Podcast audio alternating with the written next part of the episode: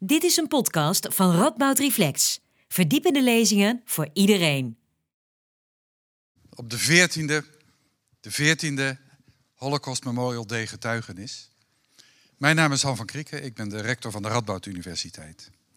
En een bijzonder welkom voor natuurlijk de getuigen van vandaag. Ik weet dat zij mij kan zien en horen. Uh, straks kunnen wij ook haar zien en horen in het gesprek. Jannie Schinkel, Jacob en een bijzonder warm welkom aan haar familie, vrienden en kennissen. Met de Holocaust Memorial Day getuigenis onderstrepen we het belang, ook vandaag, het belang om de relevante herinnering aan de Tweede Wereldoorlog scherp op ons netvlies te blijven houden. En elk jaar werpt een persoonlijke getuigenis van een overlevende van de Holocaust een indringend licht op de vreedheden van oorlog en op het besef dat vrijheid geen vanzelfsprekendheid is. Dit jaar is het voor het eerst dat we aandacht besteden, aandacht vestigen op de Jodenvervolging in onze stad Nijmegen. En vandaar dat ik dat bijzondere welkom heet aan Jannie Schinkel-Jacob, die via Skype, want ze kan er helaas wegens omstandigheden niet live bij zijn, maar via een digitale verbinding toch met ons in gesprek kan gaan. Zij zal uh, uh, haar getuigenis dan afleggen. En er is ook voor u tijd om daar vragen over aan te stellen.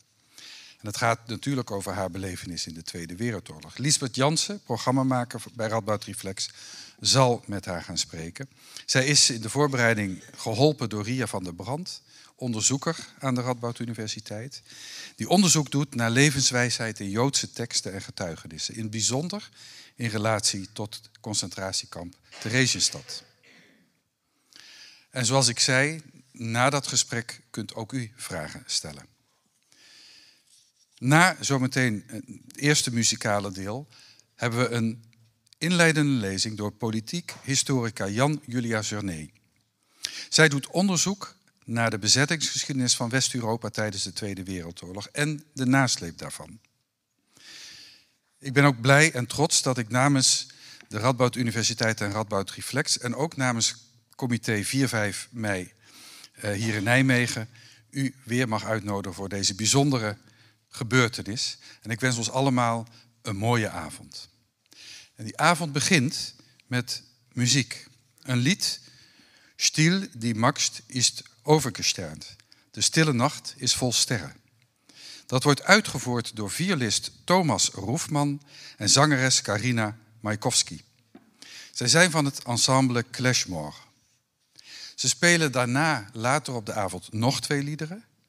Waarbij het eerste lied dat ze na dit aangekondigde lied zullen spelen, Droomland is. Een lied uitgekozen door de getuige van vanavond, Jannie Schinkel-Jacob, die bijzondere herinneringen heeft aan dit lied. Clashmore, aan u de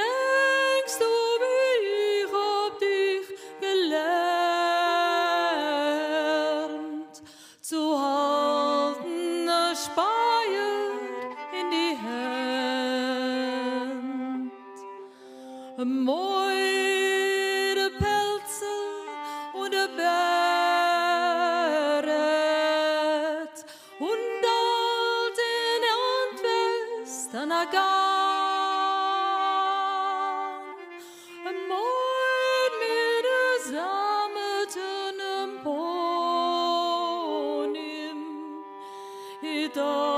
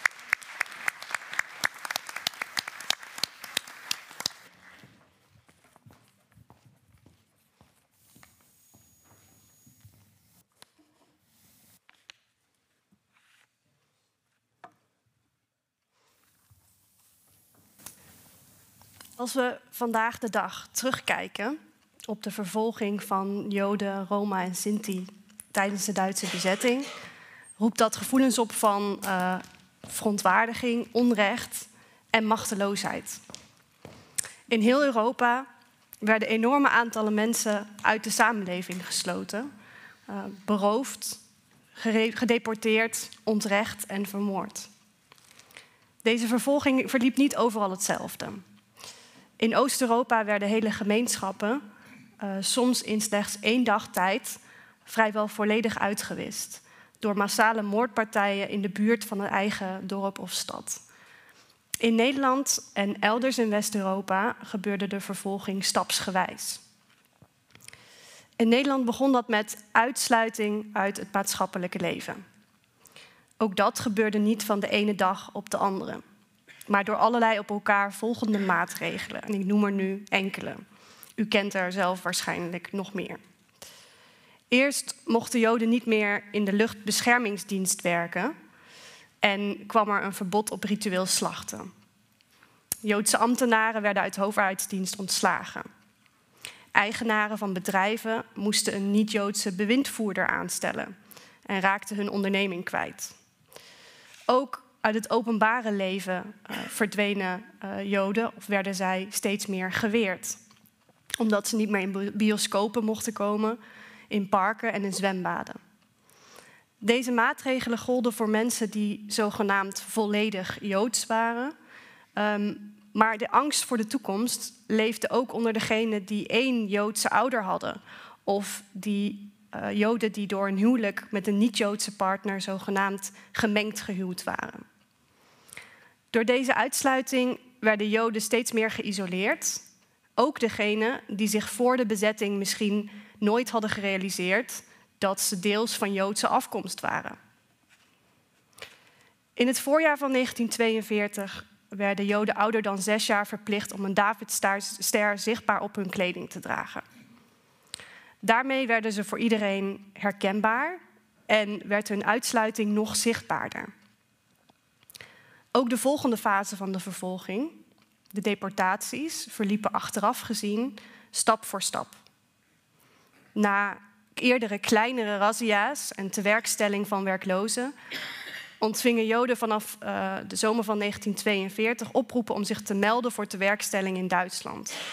En wie niet kwam opdagen na deze oproep, uh, werd bij grote razzia's opgepakt. In Nijmegen was er um, in de nacht van 17 op 18 november 1942 zo'n grootschalige razzia. Waarbij uh, 200 Joodse bewoners zijn opgepakt. Dat was bijna de helft van de vooroorlogse Joodse bevolking uh, van, Nijmegen. Na aankomst in Westerbork, het doorgangskamp, werden de meeste van hen doorgestuurd naar Auschwitz en daar vermoord. Andere Nederlandse Joden uh, wachten hetzelfde lot in Auschwitz of in Sobibor. En sommigen werden daadwerkelijk te werk gesteld op allerlei locaties in Oost-Europa. Maar dat gebeurde onder zulke onmenselijke omstandigheden dat de meeste van hen dat niet lang volhielden. Een minderheid van de Nederlandse Joden slaagde erin aan deportatie te ontkomen of kon na de bevrijding terugkeren uit concentratiekampen. Drie kwart van de Nederlandse Joden overleefde de oorlog niet. De verontwaardiging die wij nu voelen uh, als we terugblikken op de Jodenvervolging betreft niet alleen de oorlogsperiode zelf, maar ook de directe nasleep ervan. In de eerste naoorlogse jaren deed de Nederlandse staat pogingen om um, vormen van gedaan onrecht te herstellen of te verwerken. Maar die pogingen die voldeden niet. Sterker nog, als we er nu op terugkijken, vinden we ze eerder onrechtvaardig of zelfs onbegrijpelijk. We moeten dus constateren dat, dit na, dat de naoorlogse pogingen om recht te doen aan de oorlogservaringen van Joodse slachtoffers en overlevenden niet altijd stroken met onze hedendaagse opvattingen over rechtvaardigheid. Een voorbeeld hiervan is de door de Nederlandse overheid, het door de Nederlandse overheid uh, gehanteerde principe dat Joden en niet-Joden hetzelfde behandeld moesten worden. Al tijdens de bezetting had de Nederlandse regering in ballingschap in Londen besloten dat er geen onderscheid gemaakt zou worden tussen Joden en niet-Joden. En vlak voor de bevrijding verwoordde uh, de minister van Justitie dat als volgt. We moeten ons ervoor waken uitzonderingsmaatregelen voor Joden in het algemeen te maken. Daarmee zou men de Duitse rassenleer aanvaarden. Het idee hierachter is misschien niet helemaal onbegrijpelijk. Maar het gevolg ervan was dat speciale voorzieningen voor slachtoffers van raciale vervolging ontbraken. Van degenen die uit onderduik of uit kampen terugkeerden, waren de bezittingen en zelfs volledige woningen geroofd of door anderen in gebruik genomen. De soms kille ontvangst van buren, maar ook van overheden, was een harde klap, die het leed van het verlies van familieleden en vrienden nog extra versterkte. Veel overlevenden voelden zich als gevolg van de houding van de Nederlandse overheid uh, en van veel medeburgers in de steek gelaten en niet erkend of gehoord in hun verlies. Voor hun verhaal leek geen plaats te zijn in naoorlogs Nederland. Het principe om geen onderscheid te maken had dus een averechts effect. Vandaag de dag vinden we het uh, op zijn minst gezegd vreemd dat de Nederlandse overheid in de tweede helft van de jaren 40 de rijkwijde en de ernst van de vervolging blijkbaar niet correct kon inschatten. Het misschien goed bedoelde principe van gelijke behandeling was volkomen misplaatst. Dat besef is inmiddels wijd verspreid in de Nederlandse samenleving. Landelijke en lokale overheden hebben excuses aangeboden voor de kille ontvangst van Nederlandse Joden na de bevrijding. En ook voor de medewerking van Nederlandse ambtenaren aan die vervolging zelf. In de loop van de afgelopen 80 jaar zijn de opvattingen over de uniciteit van het lot van slachtoffers van vervolging tijdens de Tweede Wereldoorlog dus um, veranderd. De aandacht en excuses van overheden kwamen niet uit de lucht vallen, maar waren een gevolg van een bredere maatschappelijke ontwikkeling. De vervolging van Joden en Roma en Sinti is geleidelijk aan meer centraal komen te staan in onze herinnering aan de Tweede Wereldoorlog. En daarmee is er logischerwijs ook meer aandacht voor de onrechtvaardigheid van de behandeling van deze slachtoffers tijdens, maar ook na de bezetting. De vraag blijft echter hoe we de waarde en betekenis van de vervolging en de impact daarvan op individuele burgers en op de samenleving in het algemeen uh, levend kunnen houden.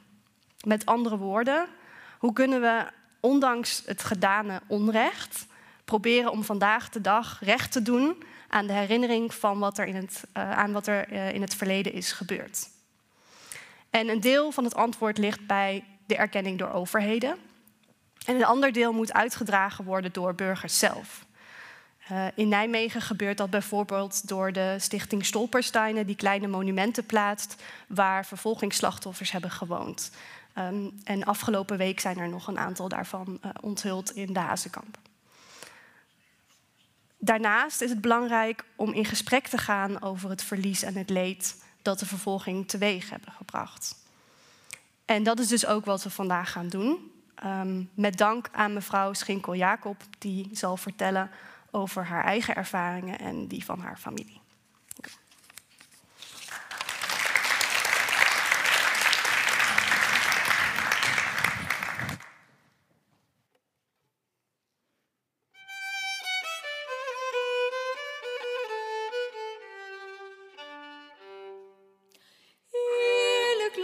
Van mijn dromen,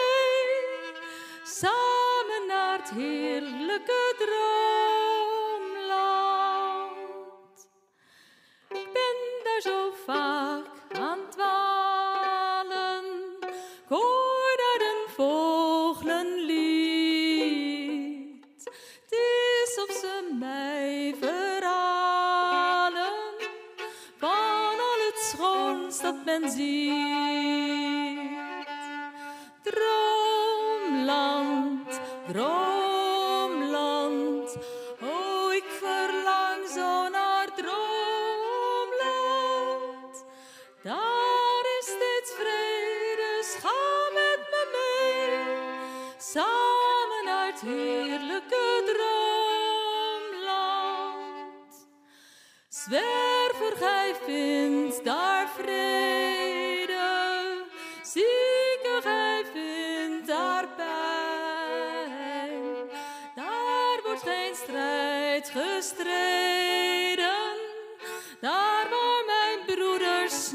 zijn.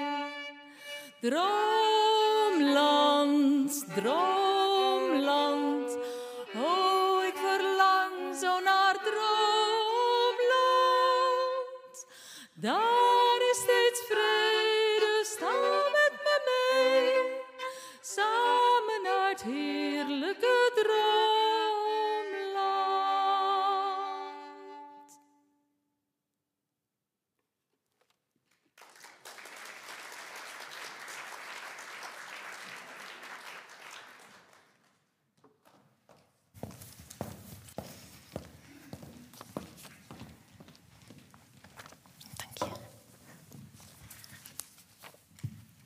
Zo, ik wacht even op het beeld. Want als het goed is, dan wordt mevrouw Schinkel-Jacob nu. Ah, ik zie u. Dag mevrouw. Ziet u mij ook? Pardon? Ziet u mij ook? Ja hoor, ik zie u ook. Fijn, heel goed. Ja, want wij hebben elkaar al wel een paar keer telefonisch gesproken, maar dit is eigenlijk ook de eerste keer dat wij elkaar zo eh, zien. Ja, Ja. van harte welkom. Wat fijn dat u hier wilt zijn vanavond en, eh, en uw verhaal vertellen, delen met ons. En, en u kunt de zaal niet zien, ik wel. En ik kan u zeggen dat er meer dan 100 mensen zitten die ja, ongetwijfeld dadelijk allemaal ondachtig zullen luisteren naar uw herinneringen. Ehm, we hebben ongeveer 50 minuten voor ons gesprek. Dan is er ook nog. dan is er namelijk ook nog tijd over voor mensen in de zaal die misschien ook nog vragen aan u hebben naar aanleiding van wat u allemaal vertelt. En ehm, ja, wat we vandaag vooral willen doen, want het, de, de avond heet ook Hoe mijn halfzusje uit Nijmegen verdween. is een portret schetsen van, van u natuurlijk en ook van uw halfzusje Alida, die, ja, die, die verdween. Dus daar gaan we het over hebben. Ik dacht, misschien is het fijn om te starten bij een moment voordat alle ellende begon. Want u woonde in Nijmegen aan de Dalse Dwarsweg als kind. U bent daar opgegroeid. U kwam uit een gezin van zes kinderen. U was de tweede, de oudste was een jongen en, en de tweede was u, een meisje. Ehm, en ik denk dat veel mensen die hier in de zaal zitten, misschien Nijmegen ook wel kennen. En misschien zelfs wel de Daalse Dwarsweg kennen. En weten dat dat een straat is in Nijmegen-Oost. En dat dat nu een hele gezellige buurt en een hele gezellige straat is. Die bekend staat om cafeetjes en fijne sfeer en parkjes en zo. En ik dacht, ik ben eigenlijk benieuwd, toen, toen u kind was, wat, hoe was dat, wat was het voor een buurt? Hoe was de sfeer? Wat, wat herinnert u zich daarvan? Nou, wij zijn er komen wonen in 1939. Ik heb daarvoor midden in de stad gewoond, Hertogstraat, Oh ja. Marienburgstraat en Wintersoort. We zijn in 39 verhuisd naar de Daalse Dwarsweg. Aha. We hadden weinig contact met de buren. Oh. We waren een beetje eigenlijk geïsoleerd. Mhm. En naast ons woonde een weduwe, mevrouw Barnes, nee, mevrouw Aarts. Mhm. En dat was eigenlijk- eigenlijk onze eerste aanspreekpunt. Ja. Ehm, ik had weinig tijd om buiten te spelen. Maar ik had wel een vriendinnetje waar je af en toe mee praatte. Ik mocht met één meisje ging ik naar het zwembad. Mhm. En door haar, door het meisje, ben ik te weten gekomen dat mijn vader van Joodse afkomst was. Ja. Wist ik helemaal niet. Nee. En ja, ik had niet zoveel contact met de buurt. Trouwens, mijn ouders ook niet. Nee, want u zei, ik mocht ook niet zoveel buiten spelen. Kwam dat omdat u als oudste meisje veel in het huishouden moest doen, bijvoorbeeld? Ja. Ja, klopt. Ja, ik moest altijd op kinderen bezig zijn. Twee jongens, twee zusjes die na mij komen en twee broertjes. Ja. En ja, eh, als meisje zijn we bijna vooral de oudste. Ja, dan eh, bij de klos. Dat maar eerlijk zijn. Ja. Dus ja. Ja. Ja. En ik kan me ook voorstellen, u zei we zijn veel verhuisd of we woonden daarvoor in de stad op twee, of ja, in de binnenstad op twee plekken en daarna hier. Ja. Dat je dan Ja. ook, dan moet je steeds opnieuw moeite doen om mensen te leren kennen. Ja, zeker. Ja, je had geen contact. Wij waren, ja, ik zeg toen als, wij leefden nogal vrij geïsoleerd. Mhm. Ja, we hadden veel kinderen voor die Ja. tijd. En ja, mijn ouders waren ook druk bezig met werken en zo. En ja, daar, ik Ja. had gewoon geen tijd om naar buiten te gaan. Nee, nee. Wat, wat deden uw ouders voor werk? Mijn vader, eh, we hadden eerst een zaak in Nijmegen, in de Mhm. Hertogstraat. En ehm, later is mijn vader als uh, handelsreiziger begonnen. Oh ja. De verkoop van elektrische, tenminste met eh, lijsten voor schilderijen. En eh, ja, hij had een firma die dan voor het eerst in die tijd elektrische lijsten maakte. Ja. Dus en ja, mijn moeder had het druk met het gezin, zeg maar. Toen had je dan Ja. die wasmachine, die stofzuiger. Ja. Dat Ja. zeg maar. hè. Ja, met zes kinderen. Ja. Ja, dan uh, komt er wel wat bij kijken hoor. Dus, Ja. eh, ja. Ja, en u vertelde al even, u kwam niet zoveel buiten, u had niet zo heel veel contacten. Ehm, Nee. wat, wat was u voor een kind? Hoe, hoe zou u uzelf omschrijven toen? Dan was ik een beetje stil. Eh, wel rustig, een beetje achterafhoudend altijd. Ja, heel erg gehoorzaam. Dus, ja, dan volgens mijn tante was ik wel erg braaf. Dus, Ja. nou ja. Ja, volgens mij vaak zo bij oudste, bij oudste meisjes. dat, Ja, ze, dat ze verantwoordelijkheid en eh, ja.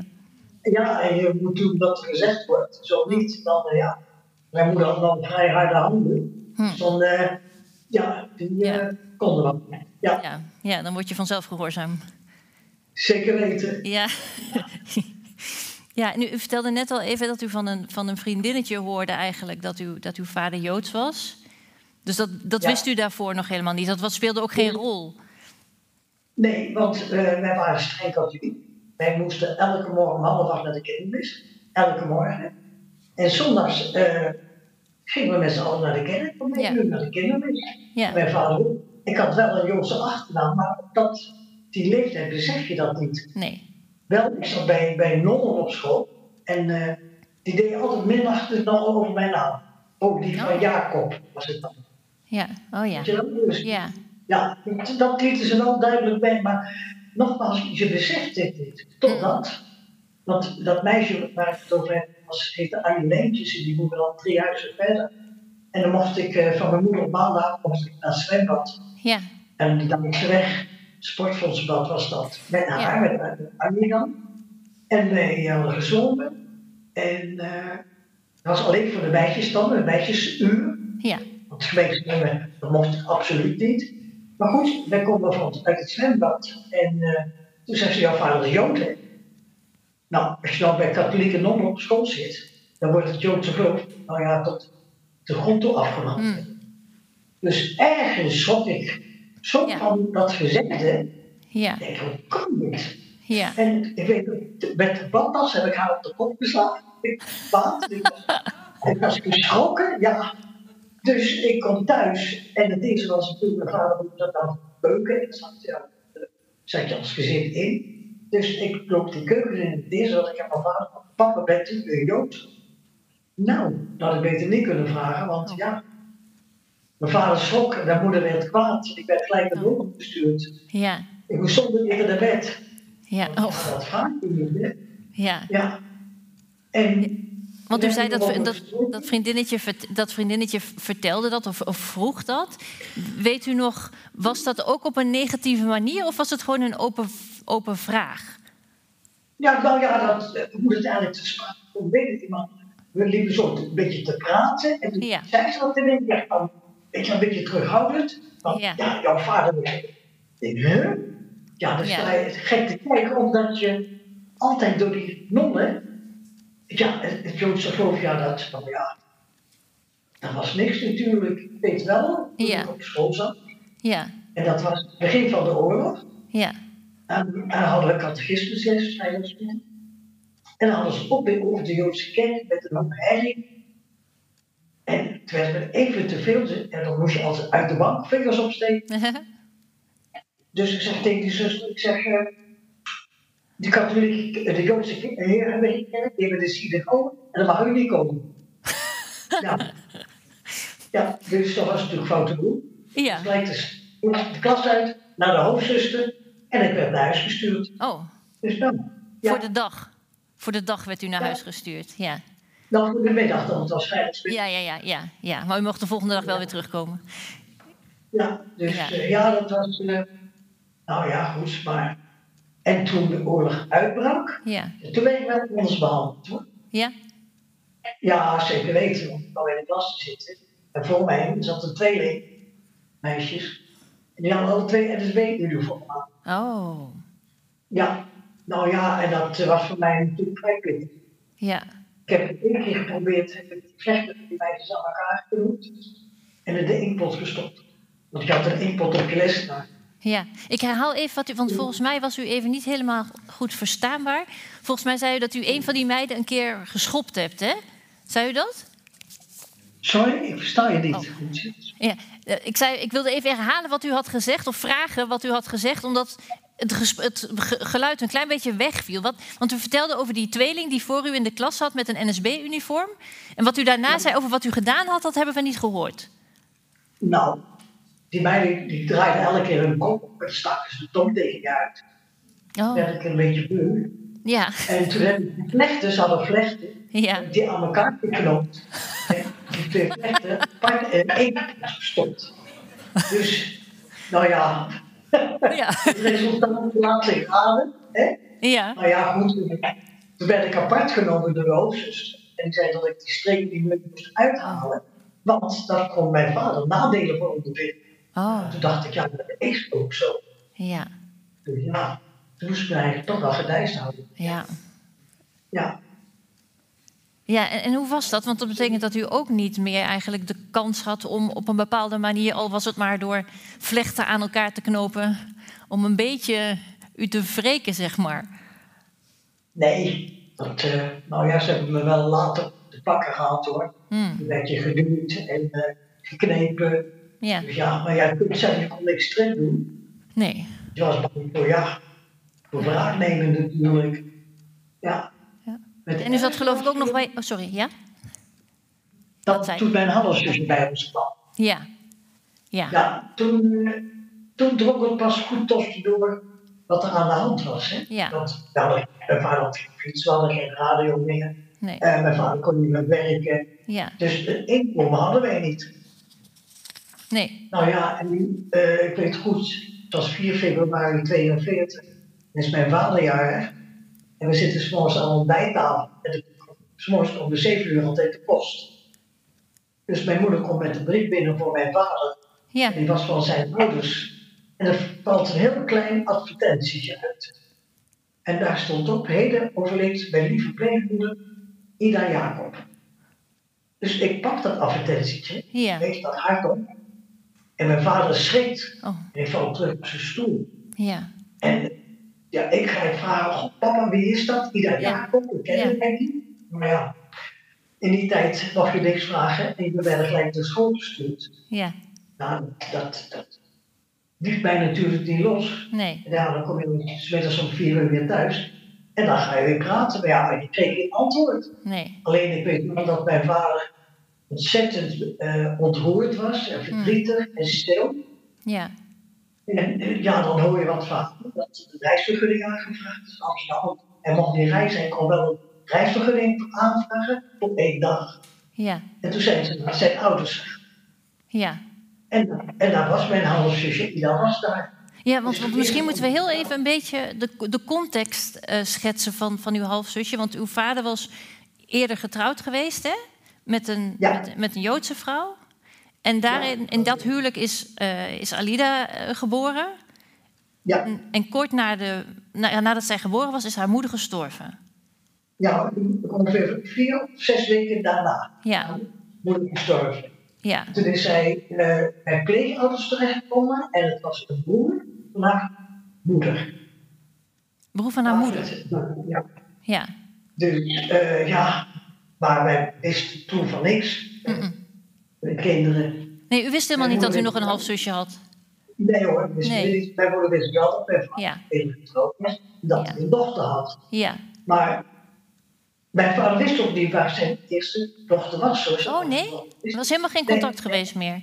Nee, helemaal geen contact. Er was, nee, er was eh, toen mijn ouders dan Amsterdam gingen, was de eerste confrontatie met zijn eerste dochter. Ja. Want en toen was zij waarschijnlijk 14. Sorry. Toen was zij denk ik 14. Of, Eh eens even kijken. Ja, ja, Ja. 14 jaar, ja. ja, En zij is in eind maart bij ons gekomen. ja, Nou ja, goed. En ze is bij ons opgenomen. ja, Ze was heel lief, ja. heel rustig, meisje, heel lief. Ja. Heel erg van muziek. Ja, want het was niet zomaar dat zij, want u vertelde net al even over die, over die rouwadvertentie, hè, dat was van haar, van haar moeder.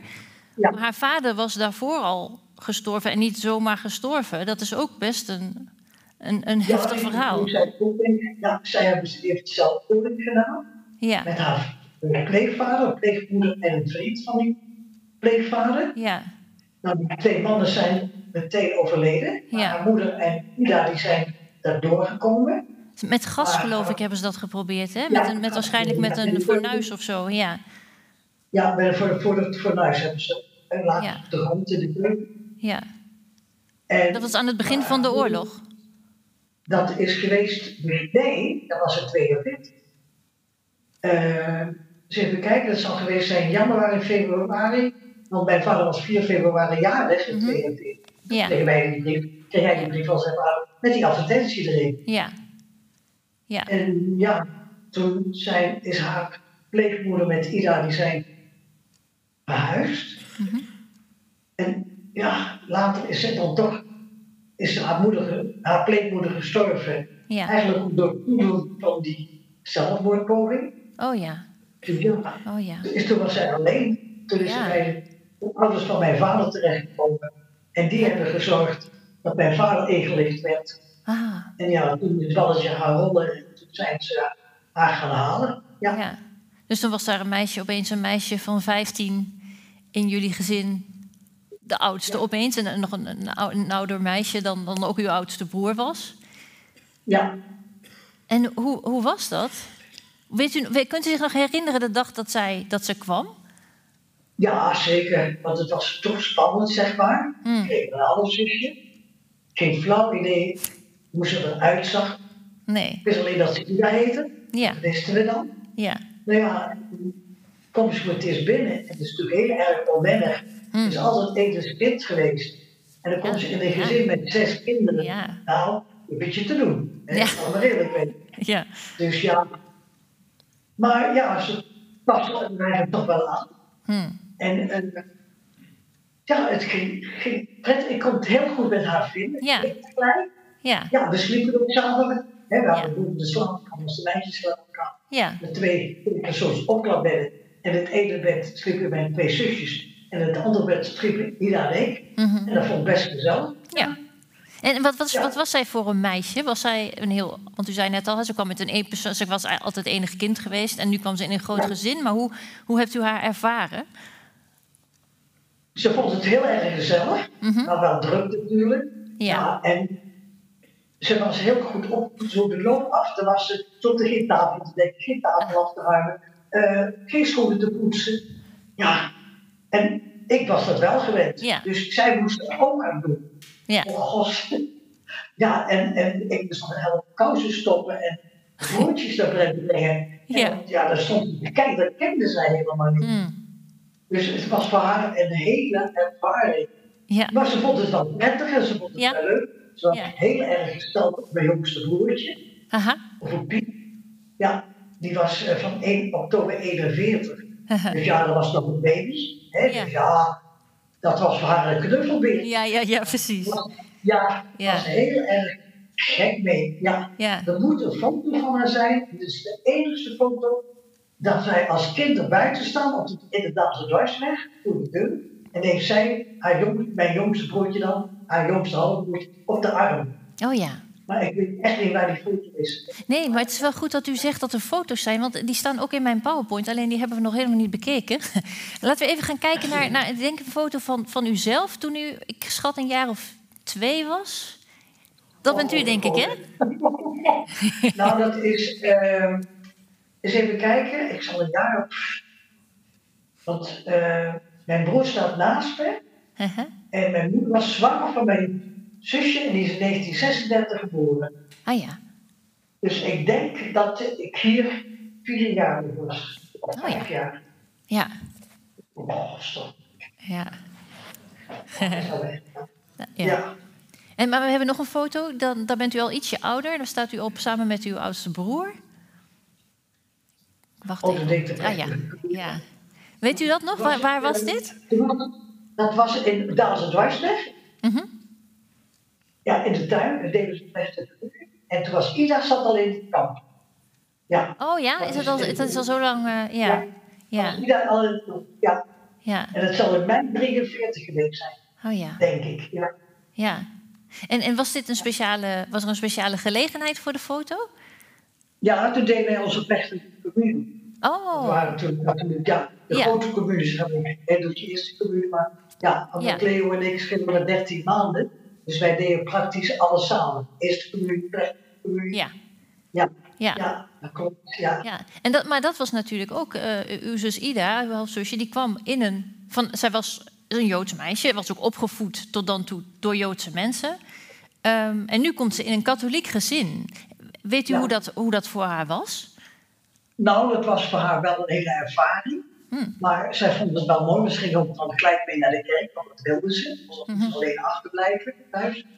Ja, op de broek, met kleine zusjes pas dan. Mhm. kleine broertjes. Maar ze ging wel mee naar de kerk. En ja, ik was eh, eens in de maand had je lof. En dan was ik als bruidje, dat vond ze prachtig. Ja. Toen eh, vroeg ze een keer aan mijn vader, zou u het als ik katholiek zou worden? Nou, mijn vader was daar niet zo voor, maar Hm. ja, ze, ze heeft ze toch wel aangedrongen. Mhm. Nou ja, toen hebben we, mijn vader toch wel toegestemd. En toen ging hij naar de pastoor van onze kerk. Ja. Eh, wie haar kon lesgeven in het katholieke geloof. Nou, dat zou dan een zuster doen van mijn school Ja. op zondagmiddag om Ja. half drie. Maar wij mochten niet door de hoofdingang van klooster komen. Oh. Wij moesten via de school, was de Dominicanenstraat, naar eh Maria Geboorteplein en daar hadden we de kerk. Ja. Nou, en dan had je de hoofdingang van de kerk, en dan mochten we ook in. Er was er een goede poort, daar mochten wij in. Oh. Want niemand mocht het natuurlijk weten. Van, van het feit dat uw zus eh, die lessen kreeg, of ook op zondagmorgen? Of op iedere ochtend trouwens, als u naar de mis ging? Op zondagmiddag half drie was Oh ja. elke week. Oh ja, Nou ja, totdat zij dan voor onze zuster klaargestoeld was voor het katholieke geloof. En Ja. 4 april 43 is ze gedood. En de dag dat ze naar het concentratiekamp ging, eh 8 april, heeft ze 's morgens om half acht de eerste communie gedaan. wauw. Ja, en Ja. ik weet wel dat eh, op zondag 4 april werd er op een spreekstoel afgeroepen dat de donderdag om half acht een speciale mis was met een speciale opdracht Mhm. En dat het pastoor rekende op heel veel aandacht. Nou, ik zou vertellen, Lisbeth, de kerk zag zwart van de mensen. Oh ja, Die was afgeladen.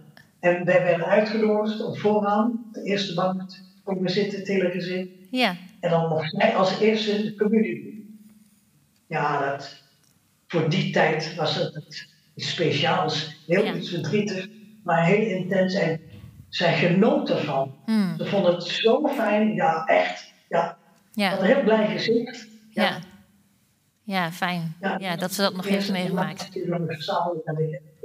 Om de communie te doen dan. Mhm. Ja. Ja. En, en tegelijkertijd denk ik, goh, de, de- eh, jullie hadden natuurlijk al als gezin, bedoel, jullie waren een katholiek gezin, maar, je- maar uw vader was Joods. Dus dat was al natuurlijk in de oorlog een ingewikkelde situatie, denk ik. Ja, zeker. Want u, u was ik, ik heb uw, ik heb volgens mij heb ik uw identiteitskaart ook nog op een eh, of uw Oh, persoonsregistratie, of ik weet niet precies hoe dat toen heette. Laten we daar even naar kijken. Dat is de aanmelding, denk ik. Ja, dat is de aanmelding van mij. Oh dat ja. ik twee Joodse grootouders heb. Ja. Had ik drie of vier Joodse grootouders gehad, nou ja, was ook uh, toen nooit geweest. Nee, nee, precies. En dan staat dan op RK, dus Rooms-Katholiek. Hè? Ja. dat, dat- er stond bij iedereen waarschijnlijk aangegeven wat zijn of haar eh, godsdienst was. En dan staat daaronder Ja. nog inderdaad, bij twee staat wat, hoeveel ja, Joodse grootouders. eh, Ja, hier staat ja. aantal Joodse grootouders ja.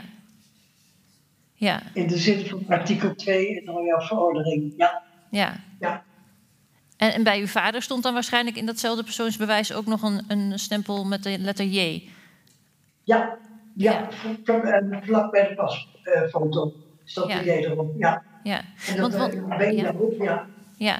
ja. Want hoe was dat voor Joodse mensen die, met, die in een gemengd huwelijk leefden? Dus uw vader was getrouwd met een katholieke vrouw, eh voedden hun kinderen ook katholiek op. Wat was, wat was de status tij- tijdens de Duitse bezetting? Nou ja, de status was zo dat hij werd dan niet opgepakt. Hij werd wel vervolgd in die zin dat hij niet vrij was. Hij kon niet werken. Ja. Eh, hij werd altijd, moet ik zeggen, in de gaten gehouden. mhm. Hij werd ook vaak opgepikt hè, door NSB'ers. We hadden minder last van de Duitsers, Oh, echt de waar? Duitse militairen. Ja, we hadden veel meer last van de NSB'ers. Ja. Want dan werd er bijvoorbeeld aan de deur gebeld. En dan was het, eh, pakte ik de deur open.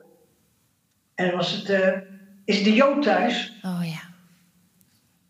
En dan zei ik, wat, wat zeg je? Ja, ik moet die Jood hebben, die moet kolen sjouwen. Nou, en dan moest mijn vader mee naar het station, Oh, moest die oh. kolen sjouwen. Of houtblokken sjouwen. Ja. Nou ja, de gekste dingen lieten ze die mensen doen. Ja. Zo, over mijn vader. Ja, Ja. dan kwam hij thuis en dan was hij gebroken. Ja, ja. omdat het zo'n zwaar werk was. Ja. ja. Ja. En ja, eh, nou ja, wij gingen niet veel weg. Dus ik kon niet weg, zeg maar. Nee, nee. Met die razzia is die ook gelukkig onderuit gekomen. Ja. We zijn op 2 augustus 43, eh, eens even kijken, hoor. ja, zijn wij opgepakt. Ja. S'morgens. Ja. En toen zijn we met z'n allen naar het politiebureau gebracht. Ja, u moest allemaal mee. Ja. Ja, En was, was Ida daar ook bij? Ehm, nee, was een 43, nee, ieder was een 8 april 43. Maar nou heb ik het over 2 april, sorry. In Twee- ja, 42. ja, 2 augustus geloof ik. Tenminste, dat stond op mijn, in mijn overzicht. Ja, 2 augustus 1942 gaat bij ons zondags van ons om 6 uur bel. Ja, Dus mijn vader roepen van, Jannie, ga eens kijken. ja, Dus ik, ik houd met mijn hoofd buiten het raam, dus ik zeg tegen die slungel staan met die lange regenjas. En doe ze open, doe ze open. Dus ja, ja. moesten we allemaal mee. Moesten eh, zomer- en winterkleren inpakken. Oh, Alleen een lepel.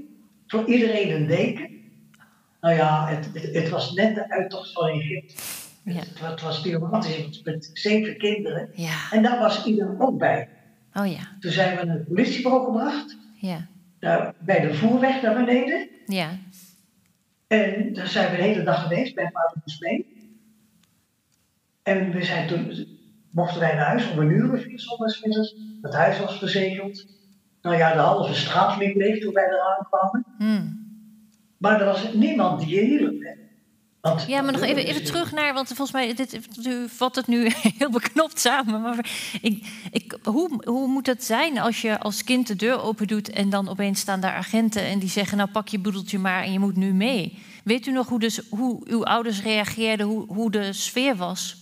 Hoe je dat zelf Nou ja, heel gespannen, geschrokken. Want Ja. er waren gewoon eh, agenten in Burger. Ja, En die stapten dan binnen. En dan werd het eh, allemaal, jullie moeten allemaal mee naar het politiebureau. En dat Ja. en dat moet je inpakken. ja, Dus ja, eh, het eerste wat je doet is dan de kinderen bij elkaar zetten in de Ja. keuken. ja, Spullen pakken. Je mocht alleen een lepel meenemen. Oh ja. En een beker. Nou ja, haal dan maar zo acht bekers op. Eh, Ja. Weet je allemaal niet. nee, Dat, ja, dat, ik weet wel dat het een chaos was van hier tot, uh, nou ja, Tokio zeg maar. ja, Maar ja, als kind besef je het eigenlijk niet. Ik weet wel dat mijn broertje Jos, mijn jongste broertje lag in de kinderwagen.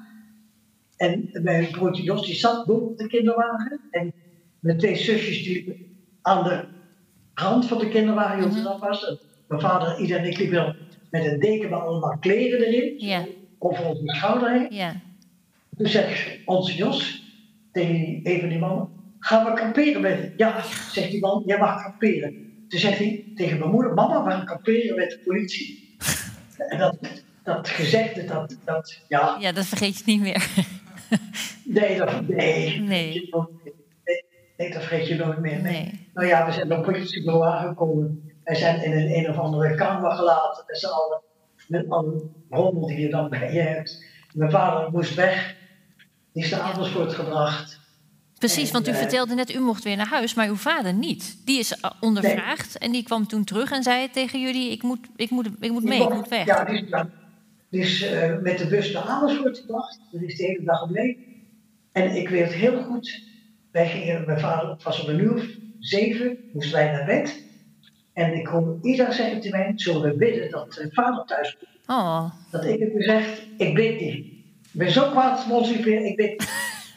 Want ik mijn vader afgepakt. ja, Ja, we gingen toch samen bidden op ons kinderen voor het bed. ja. En in één keer gaat bij ons de deur wel en mijn vader staat er Oh, Hoe hij thuis is gekomen, weet ik niet. Alleen met de trein.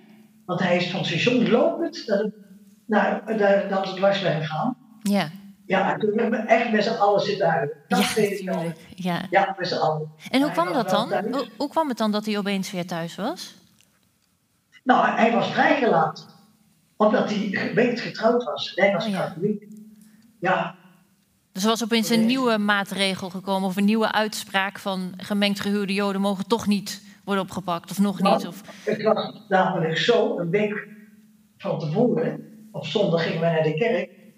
En toen hadden de katholieke bisschoppen, die hadden een brief voorgelezen. ja, En die, die hadden geschreven naar de Duitsers. ja, En eh, die hadden gevraagd aan de pastoors van de parochie om zondagsmorgens op de kindermis die brief voor te lezen. mhm, En dit, daarin stond dat ze bezwaar maakten tegen katholieke joden. Want eh, voor hun waren de katholieke joden geen joden, maar die waren katholiek. oh, Dus met andere woorden, die moesten beschouwd, beschouwd worden als gewone mensen. ja, En niet als katholieke joden. ja, Nou ja, en dat was dan de represaille. Dat ze toch Oh, dat ze dat hadden voorgelezen. Oh ja. Ja. En dus een week later, op zondag, werden we opgehaald. Maar toen is mijn vader wel thuisgekomen. Ja. En Ida is ook binnen huis gegaan. Ze hebben helemaal niet naar Ida omgekeken. Dat was ook zo frappant. Hm. Ja, ik zeg, wij we hadden meer last van de NSB'ers Oh ja. en van de WA Ja. dan van de Duitse soldaten. Ja. Ja, en, dit gebeurde allemaal rond 2 augustus. Ehm, en, en een paar maanden later, in november, toen was de Nijmeegse razzia. Dat was de administratie, ja. Wat Toen gebeurde er hebben ze toen? ook bij ons aangebeld. Ja, En toen moest ik openmaken, want dat bij zo'n raampje in. En ja, ik was nog wel klein, dus ik kon net het raampje opdoen. ja. Toen zo'n knaap, die stak zo'n kop door het raampje. Hij zegt, woont die Rosetta Jacob? Ik zeg, nee hoor. Hij zei, weet je dat zeker? Ik zei, ja, die woont zei Rosetta. En die gingen weg. Oh. Ja, mijn zusje, Ali daar Rosetta. Nou ja, ik had niet gelogen. Maar, oh, maar u wist het wel? U wist het wel dat dat haar tweede Ja, naam was? Dat Ah, wist ik wel, ja. ja. Dat wist ik wel, ja. Dat wist ik wel, ja.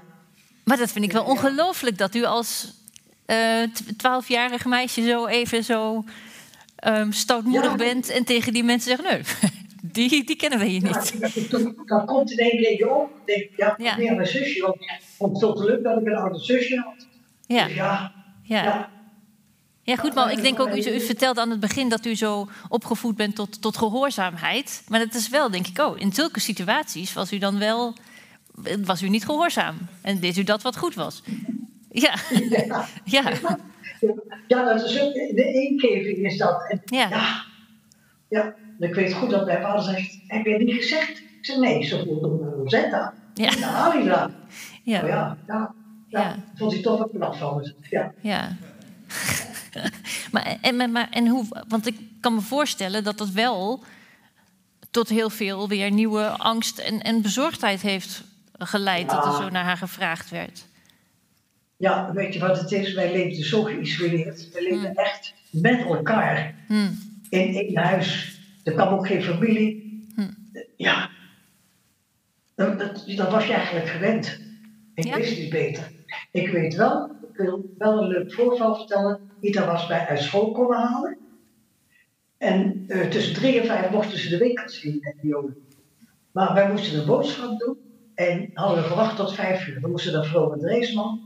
Bijna hadden we gedaan. En we komen terug. En we lopen op de Duitse weg, arm in arm. En dan komt er een melkboer naast ons rijden en die zegt: Hé hey, zusje. En we kijken op, nee, hij zegt: Ik bedoel jou, met die ster. Die wijst zo. Hij zei: Waar woon jij? En we kijken. Toen zegt ze: Daalt dwars op 25. Nou, even later wordt er gebeld, zat hij zelf met, met een fles melk. Geef dat maar aan je moeder. Oh. En dat, ja, dat maakt toch wel indruk op je hoor. Hij wou geen geld hebben. Nee. En het is ook gebeurd dat op vrijdagmiddag werd gebeld. Maar toen was iedereen al aan het kamp. Ik maakte de deur open. Er staat iemand voor me en ik dacht, een brood in de hand. Geef maar aan je moeder. En, Oh. en weg was die man. Ja, En dan sta je heel verbouwereerd. Er zijn twee dingen die dan zo'n indruk op je maken. Dat ik tegen Ja. de moeder zeg, ik hoop nog wel liever mensen op te leven. ja. Ja, misschien juist ook wel in zo'n tijd waarin je voortdurend juist gepest wordt en, en niet gezien Ja. wordt. En, ja. Ik durfde op de deur ook niet naar school. Hè. Want die werd zo gepleegd. Oh ja. Bij de nonnen ben je ook vaak apart gezet. Oh. Ja, dan mag ik bijvoorbeeld dit niet meedoen of dat niet meedoen. Of ik werd op een andere plaats gezet. Hm. Hè, meestal zitten er met z'n tweeën in de bank. Dan Ja. eh, was er bijvoorbeeld een meisje ziek. Dan werd dat ene meisje wat lezen op mijn plaats gezet. Dan moest ik achter in de klas gaan zitten. Oh ja. Ja, Maar bij bepaalde nonnen, niet bij allemaal. Nee, maar als ja, bepaalde- ja. ja. ja ook Ja. een soort pest eigenlijk. Ja, ja, dat deed wel pijn hoor. Ja, dat zal. Ja. Ja. En dan kon je thuis niet over praten.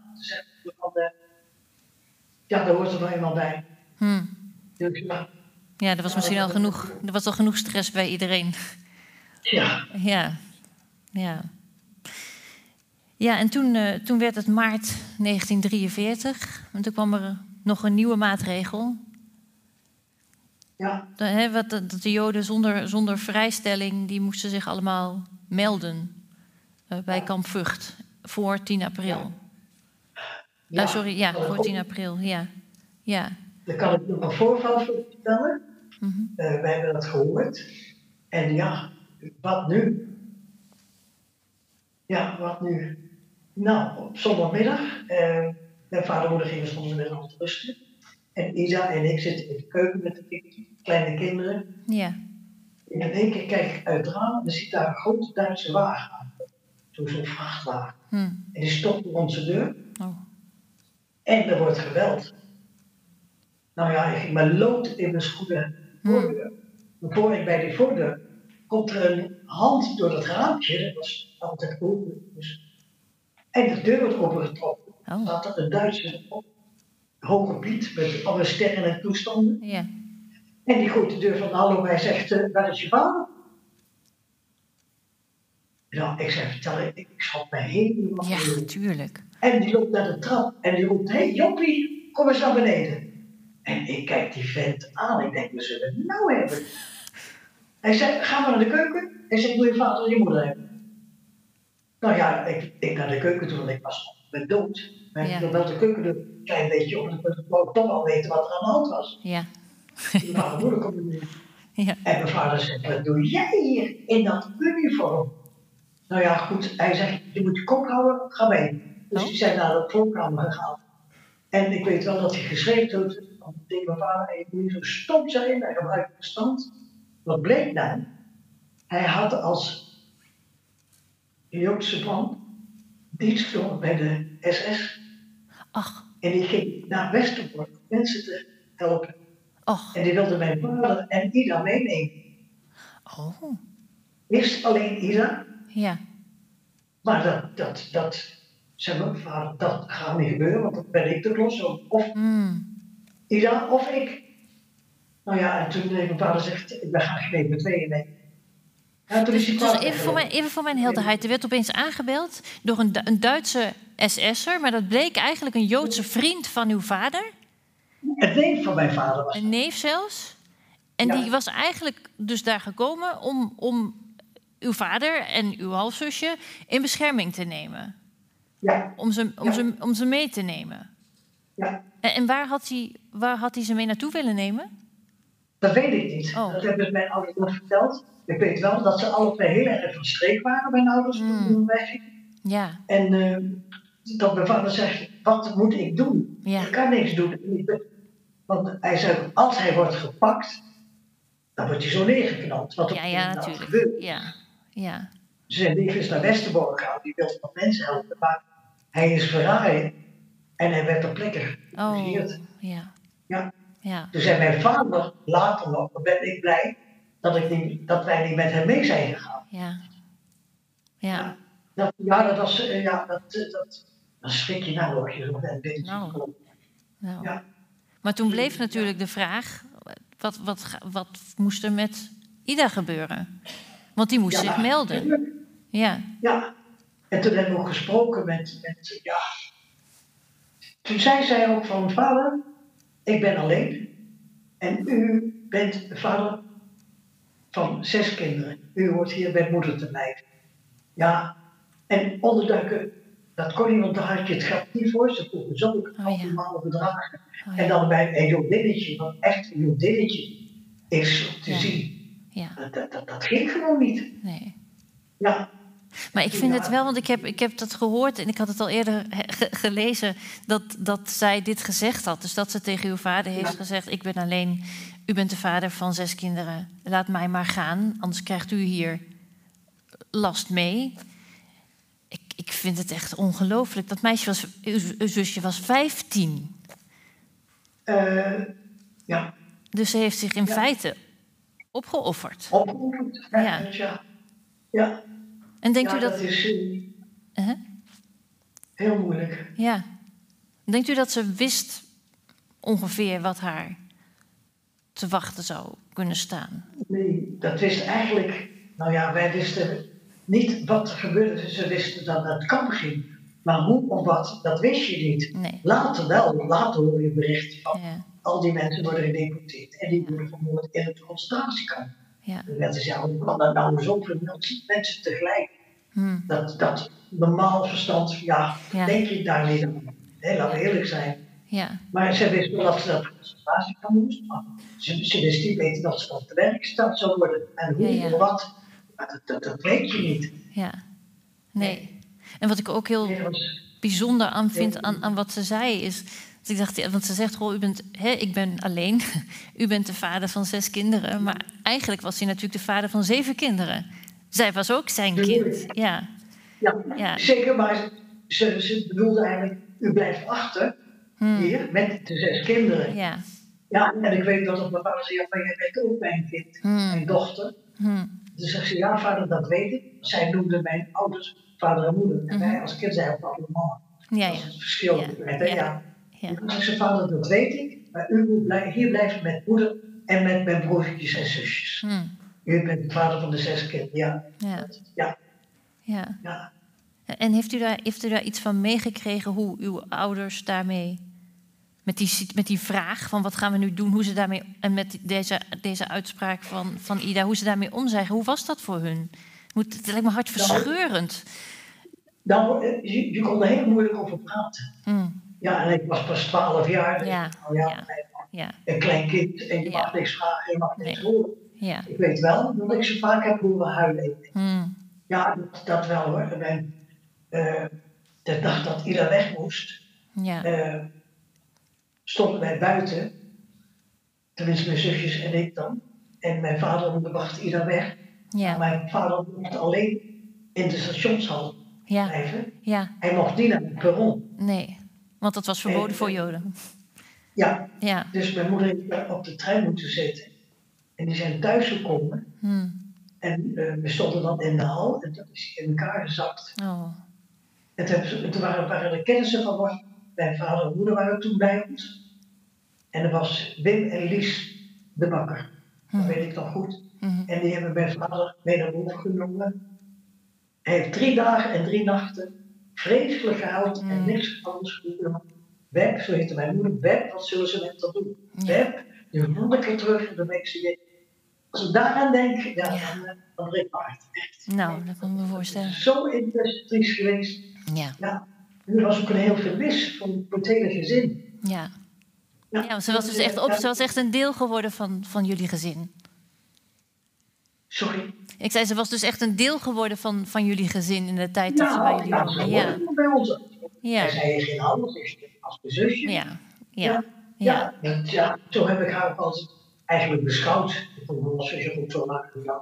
Hm. Het was mijn zusje, die hoorde bij ons. Ja. Ze had alleen een andere moeder, maar wel, dezelfde vader was het alleen. Ja. Ja. Ja. Ja. Ja. Ja. ja, dat was heel triest. Ja. Ja. En toen, toen was ze dus naar, ze was naar Vught. En toen heeft ze van daaruit nog een kaart, of ik geloof twee kaarten gestuurd. Hè, daar hebben we, ook, we hebben daar foto's van. Ik ga even Ja. naar mijn collega Seinen, dat we die even kijken. Ja, Ja. ja ze, zijn, Ja. ze zijn niet zo goed Oh, die- leesbaar. Oh, ze hebben hem helemaal bij elkaar kunnen krijgen. Er was heel veel was daar van weg. Hmm. Och, ja. Ja. Weet, weet u nog wat nog erop stond? Weet u nog wat ze schreef? ja, dat ze eh, pakketjes mochten ontvangen Oh ja, en eh, kaartjes. ja. En dan uw liefhebbende dochter Ina. Maar dan staat eronder, groete Ella, het is zo erg, ik ben wanhopig, weet niet waar naartoe. En dat was die, die, tante Ella, dat was een, eh, ook een Joodse mevrouw met haar man. Ja, En die hadden drie kinderen en die woonden in Nijmegen, op de Bergendalse weg. ja, Hovenbakker Koperrups. En eh, die bakkerij, daar kwamen wij regelmatig. En die stelde mijn moeder dat Ida, want Ida was erbij dat ze weg moest. En die he- hebben Ida in contact gebracht met de familie B, met tante Oh. Ella. ja. En die hebben, zijn toen samen verder gegaan met de trein naar Vught. Oh ja, Ieder wel apart op het station, ja, maar Ida was er naartoe gegaan een paar maanden. ja, Dat ze wist dat ze weg moest. Ja. Zodat ze niet alleen naartoe Ja. ja. En dan ze tante Ella helpen met de kinderen. Dus Ja. tante Ella schrijft dan, ik ben wanhopig. Ja. Het is verschrikkelijk. Ja. Ik weet niet waar naartoe. Ja. Ja, ja, dat maakt een vreselijke indruk. Ja, dat, ja, dat is alles van slag. En het, eh, nou ja, het is gewoon een pijnhoop thuis, laten we eerlijk zijn. mm, je vader is niet aanspreekbaar. ja, Nou, de moeder die, die is ook wanhopig. mm? Eh, Ze duurde, dan weet je het niet meer. Nee. Nou ja, toen kwam het bericht dat we het huis moesten. Dat was in augustus. Ja. Nou, er was ook de NSB'ers die zeiden van, jullie moeten zaterdag het huis uit zijn, want wij komen hier wonen. Oh. Ja, dat was op mijn verjaardag, 27 Oh. augustus.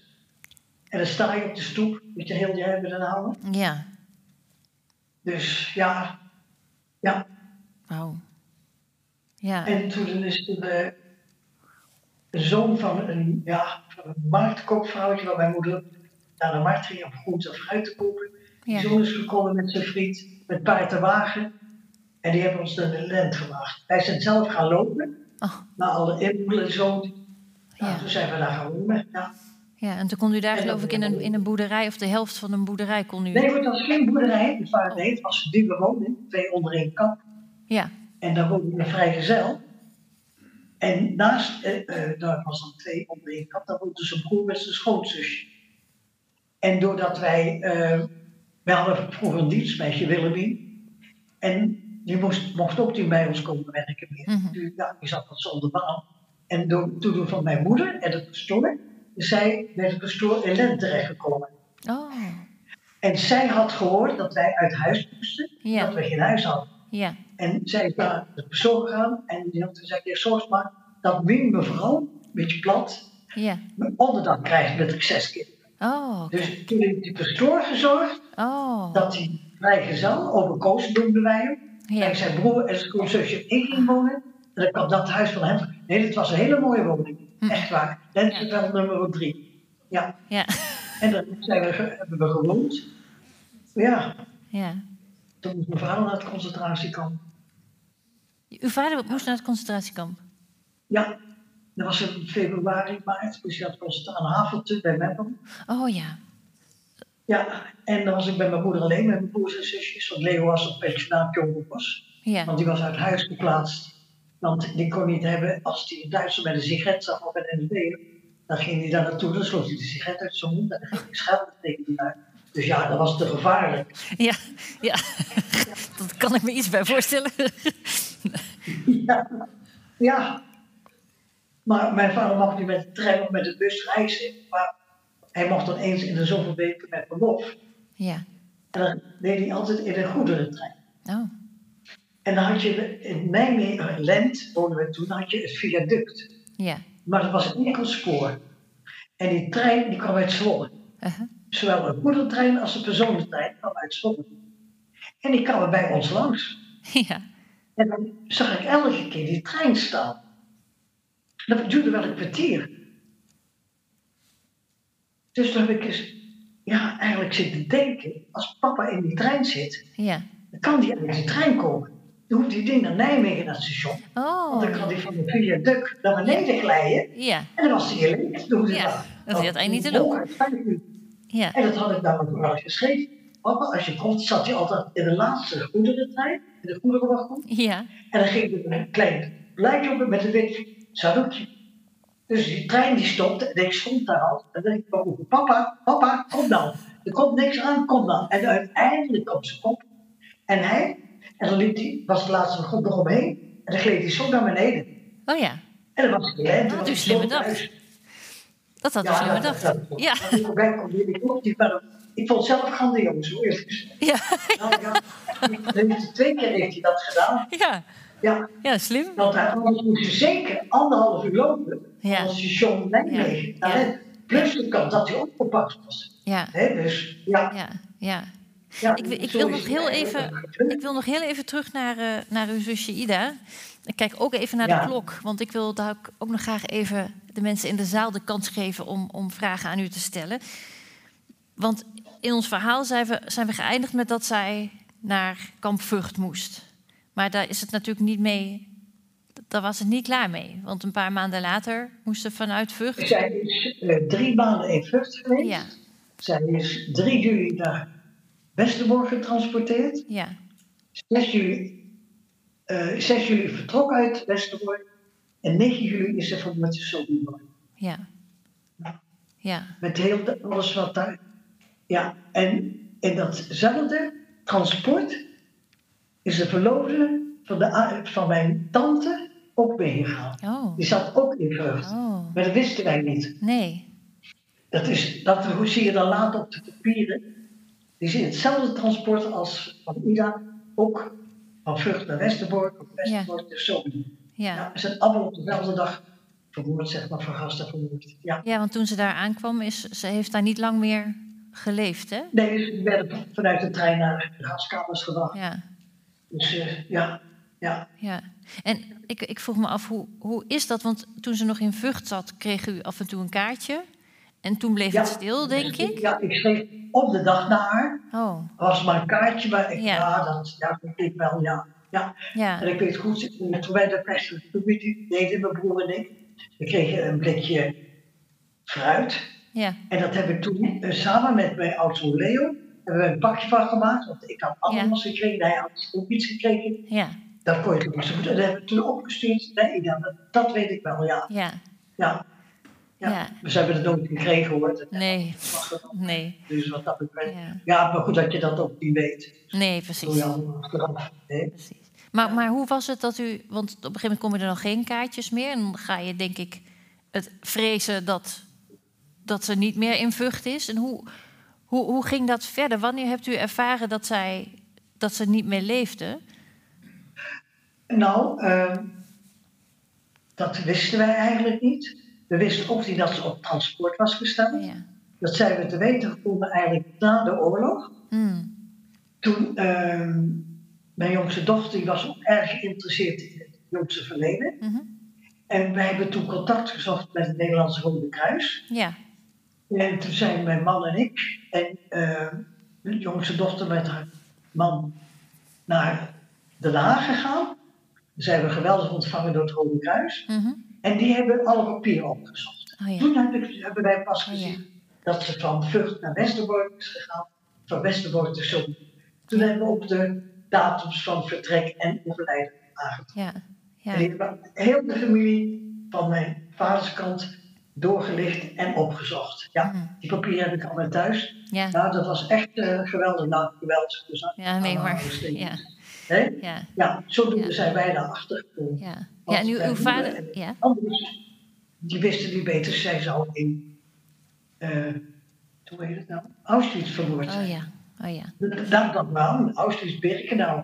ja. Maar uiteindelijk blijkt zij omgekomen te zijn in Sobibor. Ja. Mijn grootouders niet en heel veel van mijn familieleden van vaders kant zijn in Auschwitz omgekomen. Oh ja, Maar een tante en een oom en dan de verloofde van mijn tante en daar zijn dan in Sobibor terechtgekomen. Ja. ja.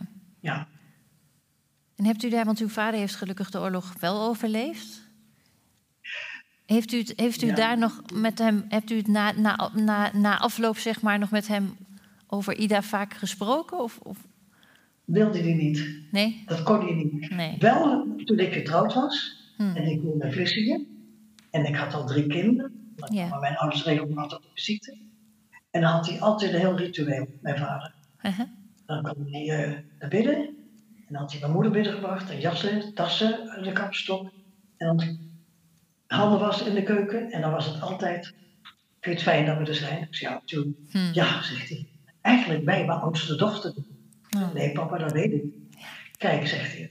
Wat ik nou hier doe, had ik zo graag bij Ida willen doen. Oh. Handen wassen, koffie willen drinken. En dat deed hij al, elke keer als hij kwam, zei hij dat. Nou ja, En eh, ja, ja, dat was misschien zijn manier om haar, om haar aanwezig te houden.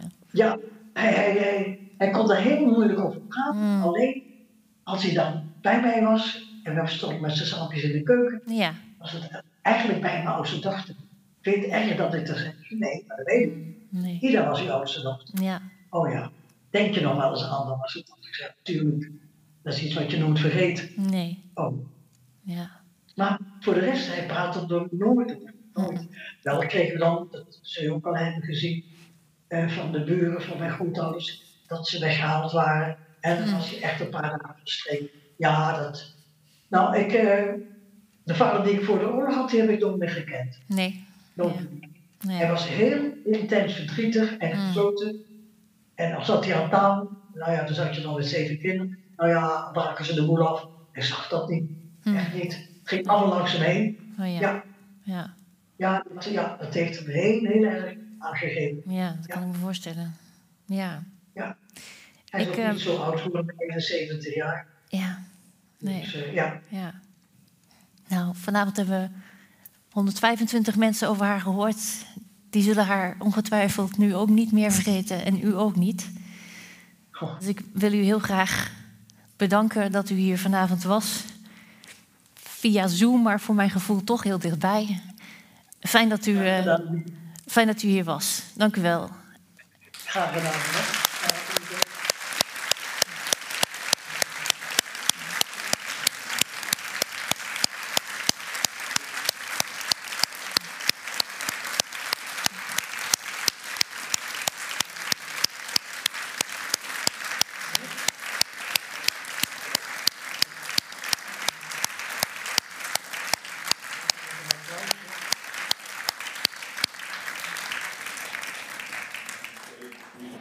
Ja, ik wil natuurlijk ook heel graag nog bedanken de andere mensen die bij dit programma betrokken waren. Historica Jan-Julia Journet, de muzikanten eh, Thomas Roefman en Carina. Sorry, jouw achternaam moet ik altijd even opzoeken. Majkowski. Sorry, ik ben altijd bang dat ik het verkeerd zeg en dan moet ik het opzoeken. En eh, rector magnificus van de Radboud Universiteit, Han van Krieken. Heel fijn dat u hier vanavond was. Volgens mij hebben we nog veel stof om over na te denken. Eh, de bar is open, dus dan kunt u misschien nog wat verder praten met elkaar. En ik wil u ook nog graag vertellen dat op eh 30, zondag 30 april is er eh, open Joodse huizen... waarin u op verschillende plekken in Nijmegen, onder andere aan de Daals-Darsweg eh, 25... waar dus mevrouw Schinkel-Jacob gewoond heeft... kunt luisteren naar verhalen over Joodse mensen en verzetsstrijders... die op die plekken gewoond of gewerkt hebben. Wel thuis, graag tot ziens.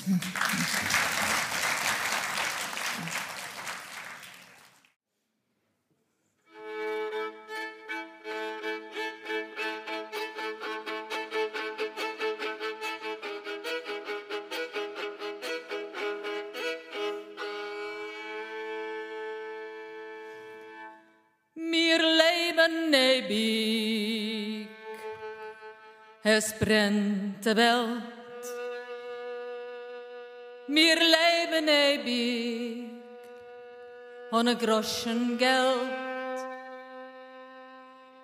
Und auf zu biegen es die alles so nimm, was will nun zwar schwarzen unser Honim. Wir leben ewig, wir sind da. Wir leben ewig in jeder Schau. Wir wollen leben und erleben, schlechte Zeiten überleben. Wir leben ewig, wir sind da. Wir leben ewig, es brennt die Welt. Wir leben ewig, ohne Groschen Geld. Und auf zu biegen es die alles so nimm, was will uns war schwarzen unser Ponym. Wir leben ewig, wir sind da. Wir leben ewig in jeder Show. Wir wollen leben und erleben, schlechte Zeiten überleben. Wir leben ewig, wir sind da.